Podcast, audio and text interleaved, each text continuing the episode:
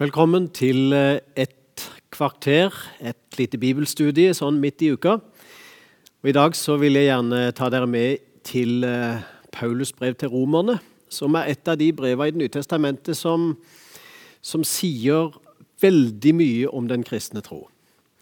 Jeg har valgt å satt som en overskrift på det jeg skal si, det ene enkle ordet håp. Og jeg leser fra Romerbrevet kapittel 5, vers 1-5. Da vi altså er blitt rettferdige ved tro, har vi fred med Gud ved vår Herren Jesus Kristus. Gjennom ham har vi også ved troen fått tilgang til den nåde vi står i, og vi er stolte over håpet om Guds herlighet. Ja, ikke bare det, vi er også stolte over lidelsene, for vi vet at lidelsen gir utholdenhet. Utholdenheten et prøvet sinn, og det prøvede sinn håp. Og håpet skuffer ikke, for Guds kjærlighet er utøst i våre hjerter ved Den hellige ånd, som Han har gitt oss. Så langt fra Romerbrevet kapittel 5. Håp er jo et av de tre ordene som står som de viktigste verdiene eh, som Det nye testamentet taler om. Det med tro, det med håp og det med kjærlighet. Og I midten der står dette lille ordet håp. Og Hva er det med håpet som er så viktig for oss mennesker? Jo, vi har jo et ordtak som sier 'der det er liv, er det håp'.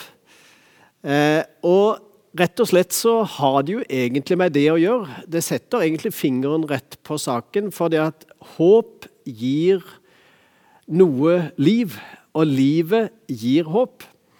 Eh, så der det er bevegelse, der det er pust, der det er livspust, der er det håp. Når noe er dødt, når noe er stille, så, så, er det noe av håpløsheten som siger innover det. Og sånn har det vel vært fra tidenes morgen, at eh, håpet har med livet å gjøre. Det kristne håpet har jo med en person å gjøre, med Jesus Kristus. Vi må altså ha et personlig forhold til Jesus. Det gir håp, det gir lys, det gir framtid. Vi er jo i etterkant av påska nå, og påskemorgen den kom jo med håp og liv og lys. Og Før det så hadde det vært på en måte natt. Det hadde vært usikkerhet, det hadde vært håpløshet, og det, alt hadde vært vanskelig minst i tre dager for disiplene. Og de var låst inne på et rom, og de lurte på hva skjer nå. Og så kom budskapet om oppstandelsen. Så kom livet, så kom lyset inn. Hvis vi går til Det gamle testamentet, så er jo håpet først og fremst forbundet med Messias.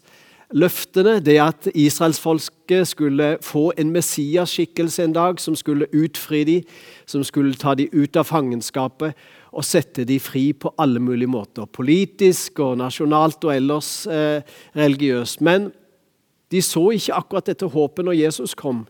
I hvert fall så, så de kanskje bare bruddstykker av det, og til slutt så trodde de ikke på han, at han skulle være Messias, at han skulle være håpet. Når disiplene fikk eh, holdt på å si, jobben eller eh, oppdraget med å være oppstandelsesvitner, så sier faktisk Peter noe når han skriver i et av sine brever, fra 1. Peters brev kapittel 1, vers 3. Der sier han, lovet være Gud, vår Herre Jesu Kristi Far, Han som i sin rike miskunn har født oss til et levende håp. Det er en viktig setning ved Jesu Kristi oppstandelse fra de døde. Så altså håpet og Jesu oppstandelse, det må holdes helt sammen i, når vi snakker om den kristne troa. Uten Jesus, uten Jesu oppstandelse, så har vi heller ikke noe håp. Og Peter var klar på det, og Paulus var klar på det, og disiplene var klar på det. De var på en måte oppstandelsesvitner. De var vitner om det kristne håpet. Alt hadde med Jesu oppstandelse å gjøre. Hvis vi går til våre liv, hva gjør håpet egentlig med livet vårt? Jo, det er troen på Jesus som åpner døra inn til håpet. Altså den personlige eh, relasjonen med Jesus. Håpet holder oss oppe f.eks. i vanskeligheter. Eh, når vi har noe som går oss imot, så, så, kan vi holde fast på det håpet at en dag så skal alt snu. Eh, litt rart å snakke om det i disse koronatider, det med håp. At eh, jo da, en dag så skal alt snu. og Vi har kanskje sett disse plakatene som barna har tegnet, at eh, ting skal bli bra igjen. Slik er egentlig det kristne budskapet om håp. Ting skal bli bra.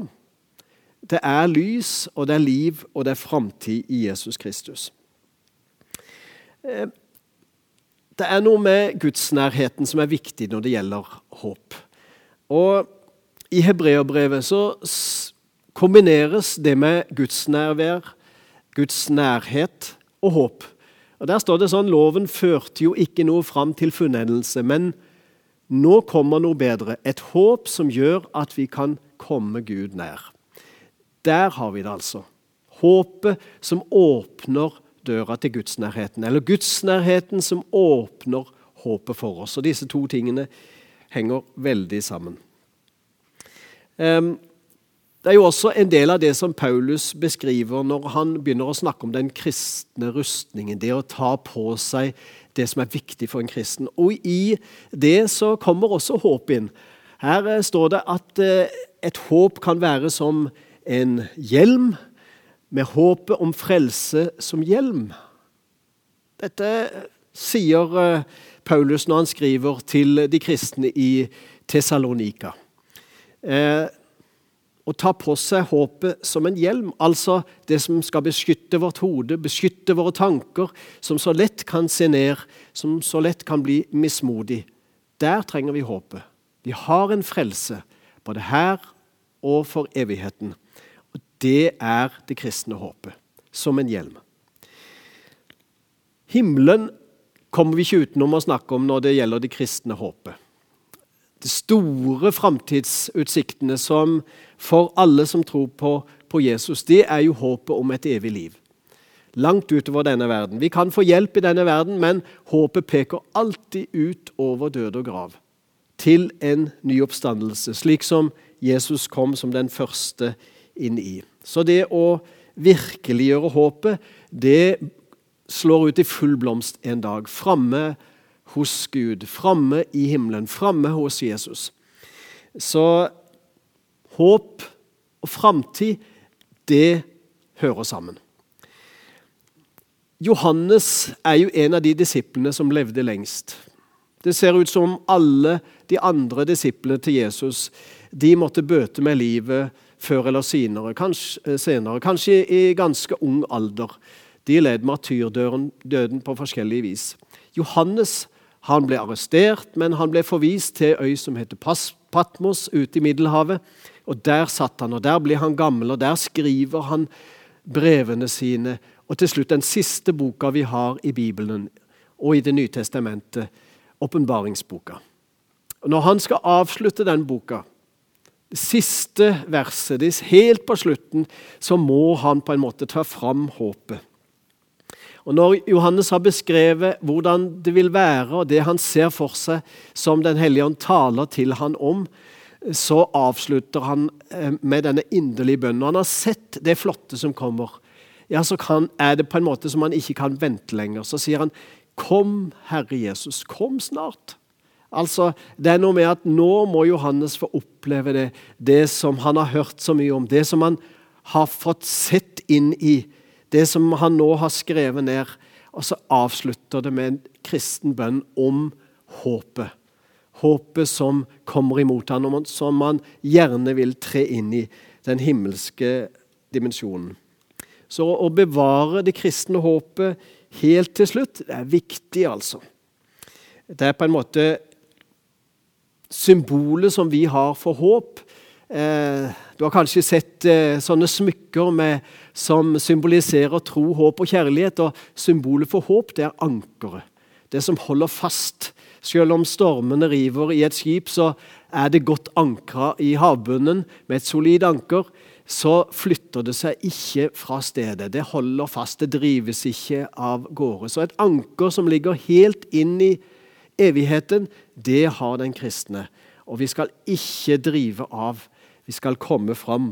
Dette skal holde. Jeg tror det med håpet er viktig i enhver tid, i ethvert menneskes liv. Jeg har møtt mange mennesker som sliter med håpløshet. Det at de har mista troa på framtida. Det at de ikke greier å se noe, som en ofte sier, lys i tunnelen. Håpet er blitt borte, særlig for dette livet og hvordan det livet skal utvikle seg. Da er det godt å ta fram både håpet for dette og det kommende liv er troen på Jesus Kristus. Det å på en måte legge seg i hans hender, det å overgi seg til han, tro på han, det gir håp. Det gir framtid. Det gir perspektiver på det som er nå, og det som kommer. Derfor skal vi aldri gi opp håpet. Derfor er evangeliet det er ordet om håp, om lys, om framtid. Med disse ordene så vil jeg ønske deg alt godt for denne uka som ligger, som vi er midt ute i, og som de dagene som ligger foran oss. Vi trenger håpet, vi trenger lyset, og vi trenger livet. La meg be. Herre Jesus, takk for at du er med oss hver dag. På alle måter så er du ikke langt unna oss. Takk for at vi kan stole på deg. Du forlater oss ikke og slipper oss ikke. Vi kan komme nær til deg og eie håp, Herre. Håp for dette livet og håp for det kommende. Takk for at du er med oss alle dager, sier du. Det gir håp. Det gir ny tro og ny framtidsutsikt. Herre Jesus, eh, hjelp oss til å feste oss i det håpet. Holde fast i det ankeret som sitter godt fast, og som gir oss retning, som gir oss håp, som gir oss framtid. I Jesu navn. Og så ved Herre Jesu Kristi nåde, Gud vår Fars kjærlighet og Den hellige ånds samfunn være med dere alle. Amen.